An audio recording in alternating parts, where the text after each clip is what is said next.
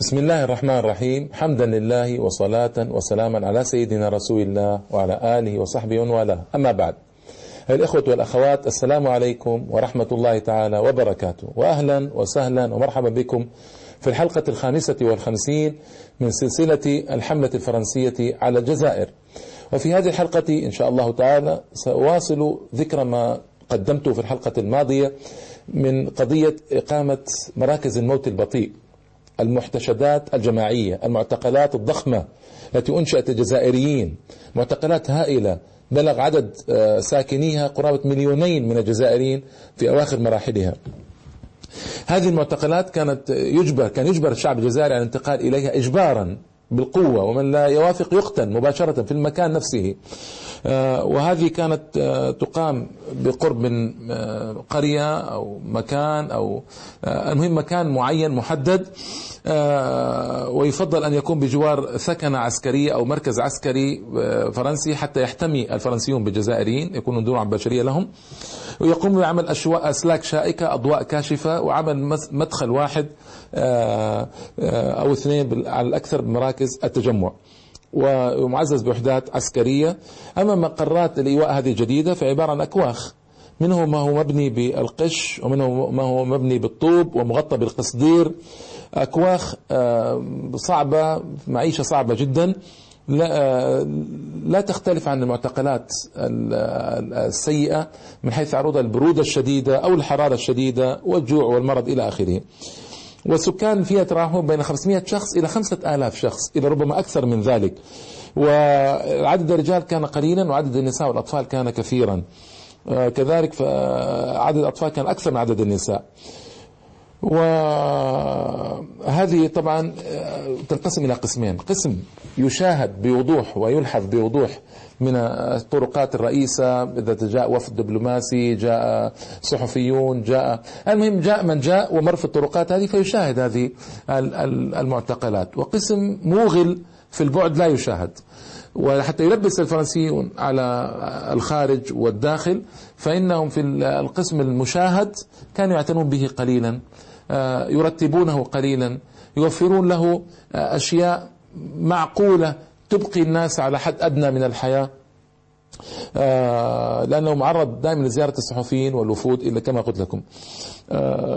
أما المراكز الجمع البعيدة عن أعين الزوار وهي الأكثرية المطلقة لهذه المراكز كانت هي الأكثر مثال للبؤس والشقاء والتعاسة والحرمان التي لا نظير لها. يجمع الفرنسيون خمسة عشر عائلة كبيرة أو ستة عشر عائلة كبيرة في غرفة واحدة.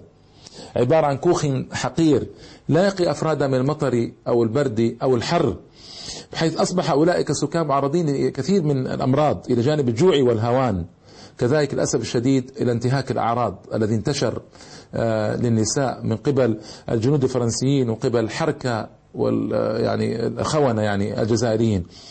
آه، وكل أنواع العذاب. نسأل الله السلامة والعافية. هنا رئيس الجمهورية للأسف الشديد ديغول اطلع على تفاصيل عملية جمع السكان وكيف يجمعون بلا أدنى كرامة. فماذا كان منه؟ وهو الذي قاد بلاده للتحرر من ذل الألمان وعد بطنا قوميا لهذا ويدعون مراعاة حقوق الإنسان. نجد هنا على العكس فإنه يبارك هذه العمليات المنجزة ويشجعها ويعطيها الضوء الأخضر للسلطات عنده في في الجزائر لتوسيعها وتعميمها على الأرياف والمدن الجزائرية بلا استثناء. وطبعا آه، هنا يقول آه، الديلوفري يقول ارتفع عدد المحتشدين من خلال التصريح الذي أدلى به هو في نشرة رسمية نشرت جريدة لوموند الفرنسية يقول لقد نقلنا خلال الأشهر الأخيرة مئات الآلاف من الأشخاص واليوم في زمانه في وقته يعني. فإن عدد السكان في مراكز التجمع يزيد على المليون من الأشخاص وزاد بعد ذلك كما قلت لكم إلى مليونين. وأن الوسائل التي بين أيدينا لا تسمح لنا بمواجهة الاحتياجات الأساسية للمساعدات والتجهيز. إن حالة المحتشدين الجدد تخلق لنا مشاكل صعبة الحل عمليا. الأسقف رودان ونشرت تصريحه جريدة لاكرو الفرنسية يقول إن آه، بعض الإحصاءات تعطي تقديرات المحتشدين ب ألف نسمة. لكن إذا سايرنا المنطق قلنا إن كل من ترك سكناه يكون قد التحق بهذه المحتشدات فإن نقدر عددهم اليوم في الجزائر يتجاوز المليون نسمة. ويعني كلام طويل. طبعا زاد عن المليون زاد لأن هذا تاريخ متقدم الذي يتحدث فيه القس آه، انظروا إلى جريدة فرانس سوير الفرنسية جاء فيها يبلغ عدد المحتشدين مليون ونصف المليون نسمة بين أطفال ونساء وشيوخ أجبروا على ترك ديارهم والتحقوا بمراكز التجمع حيث يعيشون في أضاء سيئة للغاية. طيب آه هناك تقديرات قدمت للرأي العام الفرنسي خلال أسبوع الصلاة. التي وجهت دعوة إلى إقامتها في شهر يناير 1959 السيدة آه، الأسقف رودان والراهب بومون اللذان أكدا بالمناسبة أن عدد المحتشدين في الجزائر يقارب مليوني نسمة. هذا أيضا لأن العدد يزيد بتزايد السنين للحملة. آه، وهنالك آه، قدر الجهاز الرسمي للثورة عدد المحتشدين بما يزيد على مليوني نسمة حيث ورد في النشرة تصدرها وزارة الأخبار للحكومة المؤقتة للجمهورية الجزائرية سنة 1960 قال تحت ظل الأبراج الحراسة والأضواء الكاشفة مليونان من الجزائريين. يقعون اليوم تحت رحمة الجنود الفرنسيين بعد أن رحلوا داخل وطنهم الحبيب من ديارهم وبعد أن هدمت ضياعهم وقراهم ونسفت بيوتهم. قدسوا كتلا كتلا ليعيشوا تحت ظل أبراج الحراسة للمراكز العسكرية في مجموعات تتكون من 500 أو 5000 آه، وأحيانا أكثر. و وتضيف النشرة واليوم سنة 1960 نجد أن ثلاثة ملايين من أبناء الريف الجزائري قد تلاشوا منذ سنة 1954 فمن كل ريفيين اثنين نجد واحدا فقط لا يزال في أرضه. أما الثاني فإنه قد لقي حتفه أو أنه لاجئ في أي بلد آخر أو في معسكر التجمع. فريف الجزائر اليوم أصبح صحراء خاوية.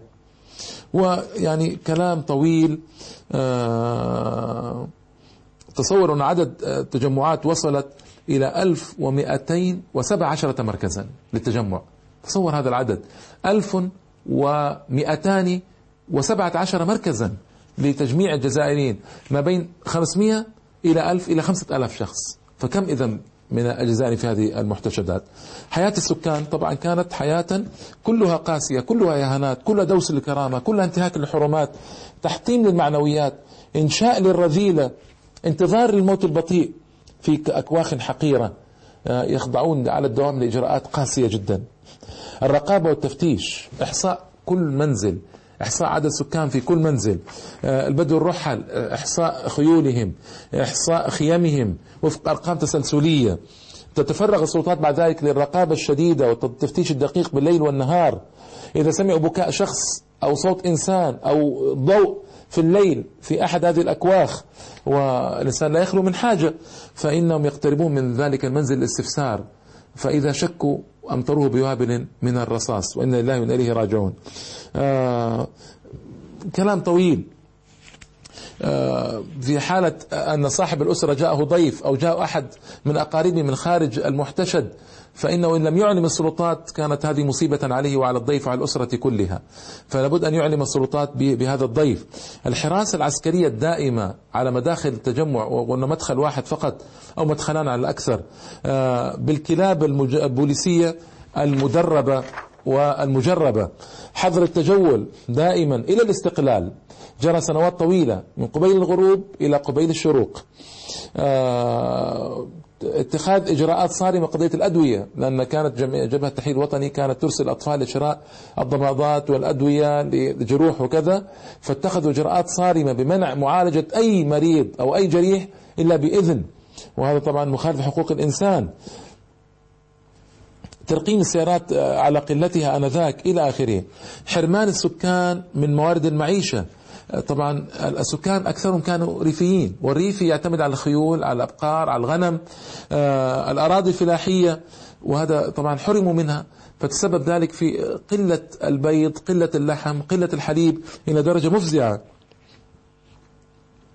آه، طبعا هنا شواهد كثيرة.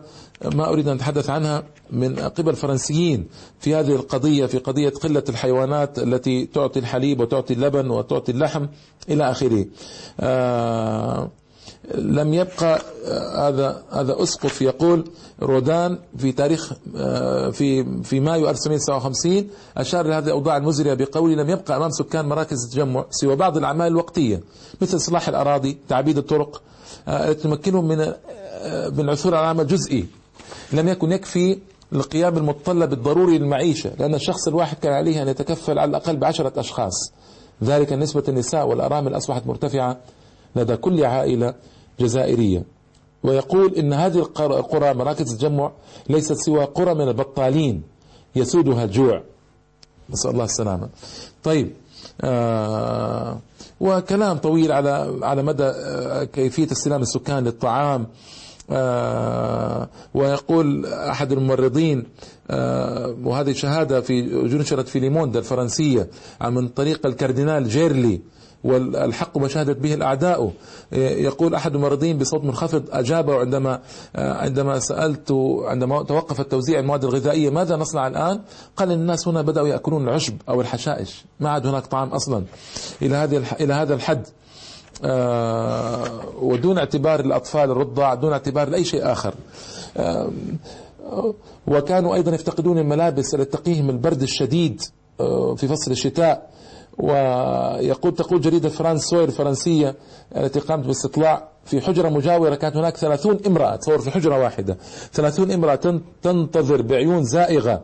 مسند مسندات ظهورهن إلى كومة من أكياس الشعير التي هي غذاء القرية. وكان هناك فتيات يرتجفن من شدة البرد.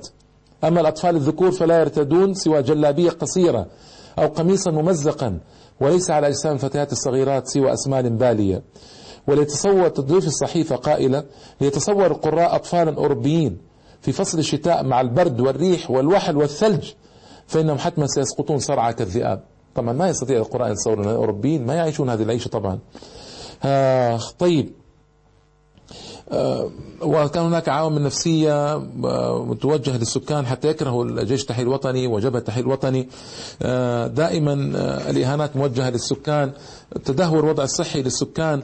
الراهب جاك بومون في تاريخ 14 16 أكتوبر 59 يقول رأيت اطفالا يموتون من الجوع. إنهم أطفال برزت عظامهم من تحت البشرة وأصابتهم الأمراض والحمى المختلفة ولم يجدوا أي علاج. يوجد 1200 نسمة في أحد المراكز والطبيب لا يزور المركز إلا مرة في الأسبوع وأحيانا مرتين والأدوية غير موجودة على الإطلاق. ورأيت طفلا في سن ثلاثة عشرة سنة مريضا بحمى المستنقعات لم يتناول سوى قرص كينين واحد في مدة عشرين يوما. مات ثلاثة أطفال آخرين بسبب قلة التغذية لأنهم كانوا يتناولون قليلا من القهوة والقمح أثناء فطامهم.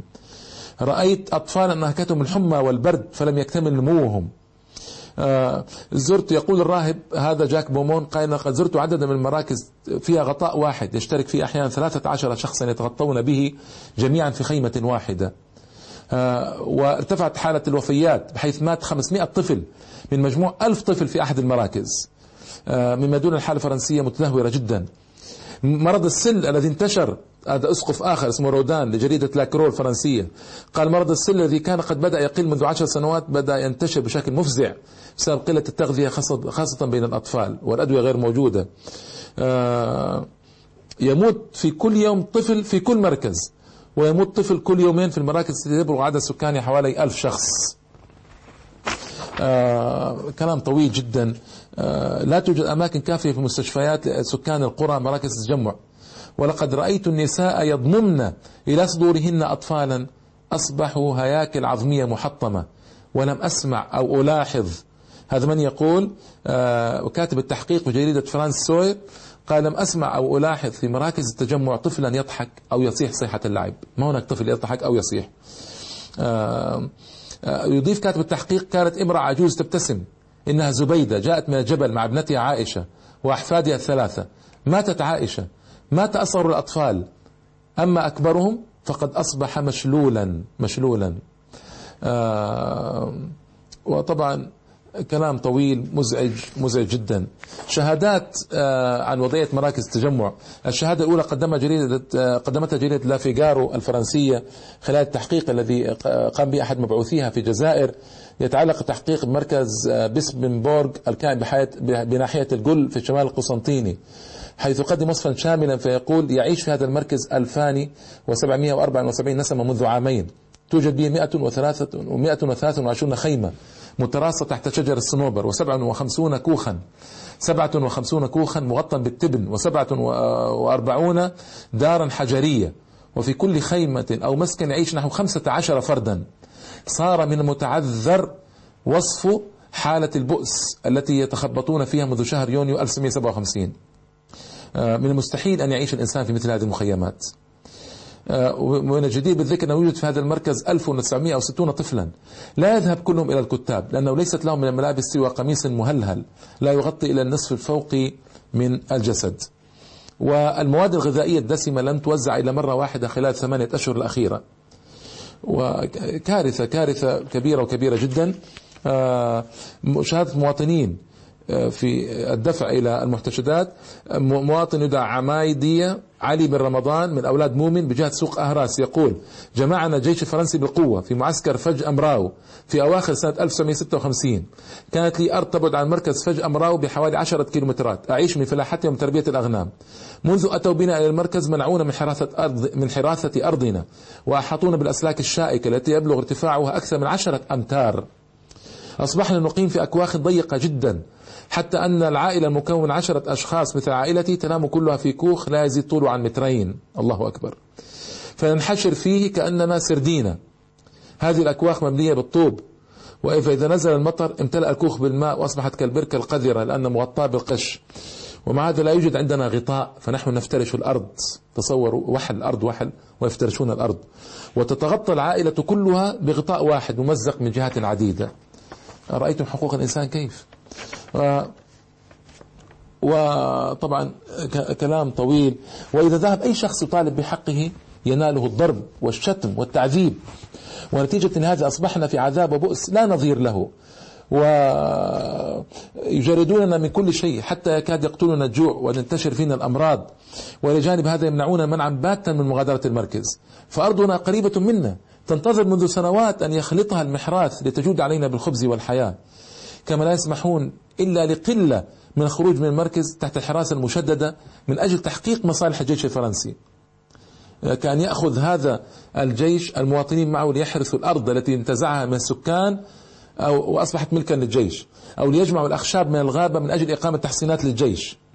و وإذا رأى الجنود الفرنسيون في كوخ أحدنا نارا يتدفأ بها من البرد الشديد يطلقون عليه نيران رشاشاتهم. وكذلك من وجدوه خارج الكوخ يقتلونه أو يضربونه ويأخذونه إلى السجن. أنا شخصيا لم أرى القمر منذ سنوات. الله أكبر. الله أكبر. آه، كلام مواطن ثاني ومواطن آه، ثالث وكلام محزن ومحزن جدا. آه، قال كثير من النساء يأتيهن المخاض فيلدن في الظلام والبرد.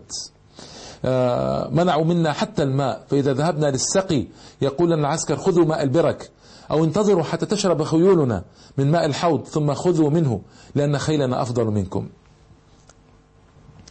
آه يعني أيضا تقول عائشة السيدة فاطمة تقول آه، في حادث لم يمحى أثره لن يمحى أثره في نفوس مهما حاولوا ذلك.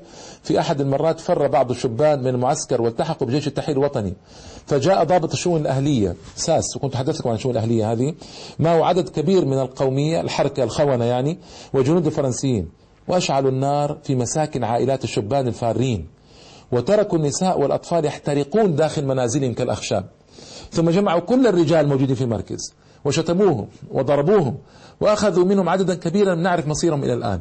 كان عندي ابن شاب اتهمه ضابط من ساس بأنه يتصل بجيش التحرير ويبعث له المؤونة.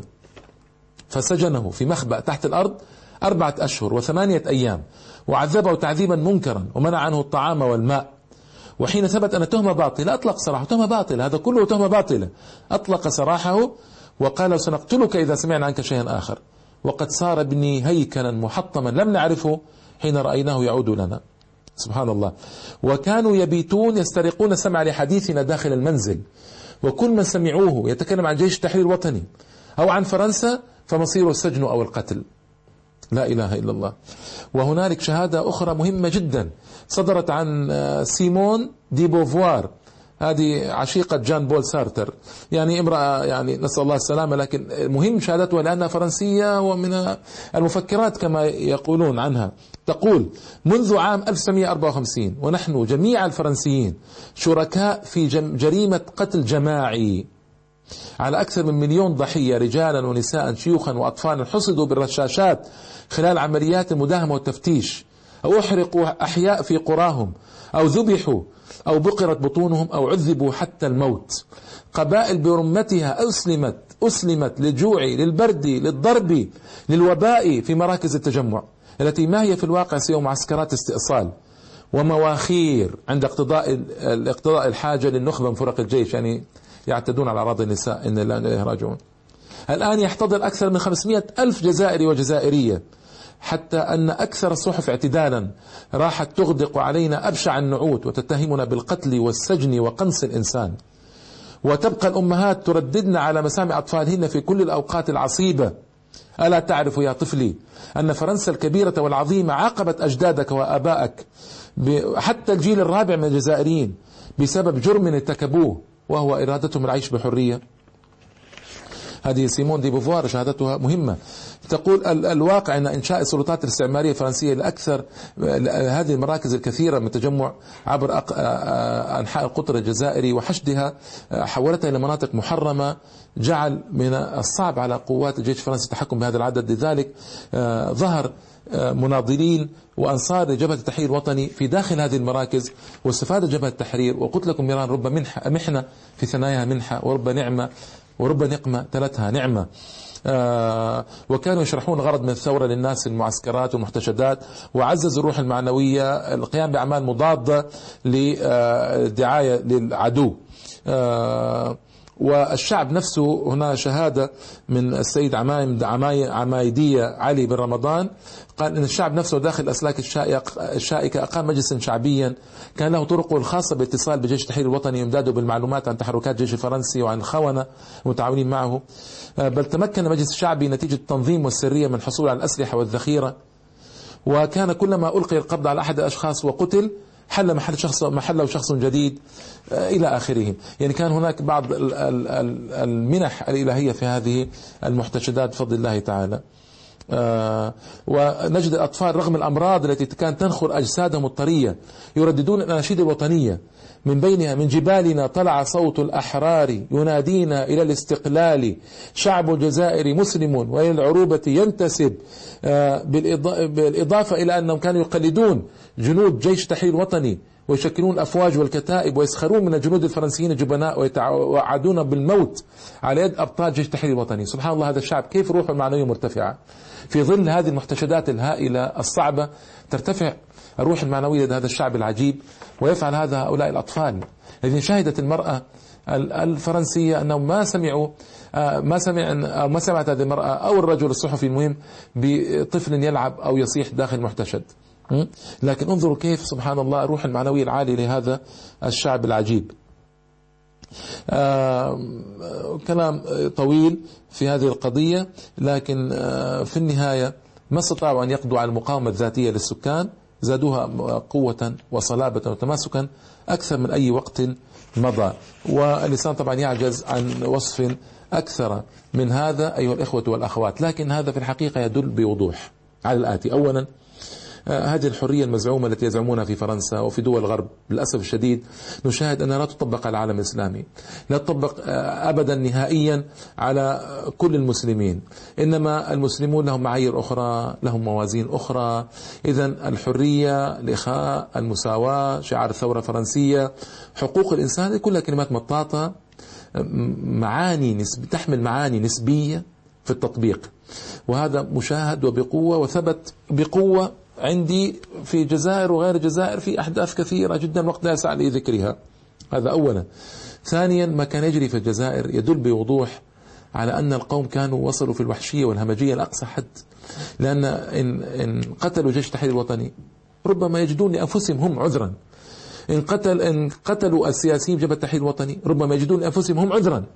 إن قتلوا أي من الماضيين أو ال أو ال الثوريين ربما يجدون لأنفسهم عذرا أما أن يفعلوا هذا بالأطفال أما أن يفعلوا هذا بالنساء أما أن يفعلوا هذا بالشيوخ الكبار بالعجائز اللواتي لا يصنعن لا يستطيع لا يستطيعن أن يصنعن لأنفسهن شيئا فضلا عن الاخرين فهذا ماذا يفسر؟ بماذا يفسر هذا؟ أو يفسر بالعجز المطلق لأن هذه حجة الضعيف والجبان قتل النساء والأطفال والشيوخ الكبار والعجائز. يعني هذا هذه حجة الضعيف والجبان. العجز المطلق. ثانيا اليأس عن إيقاف الثورة. فكانوا ينتقمون السكان انتقاما لا مثيل له على هذه الهيئة.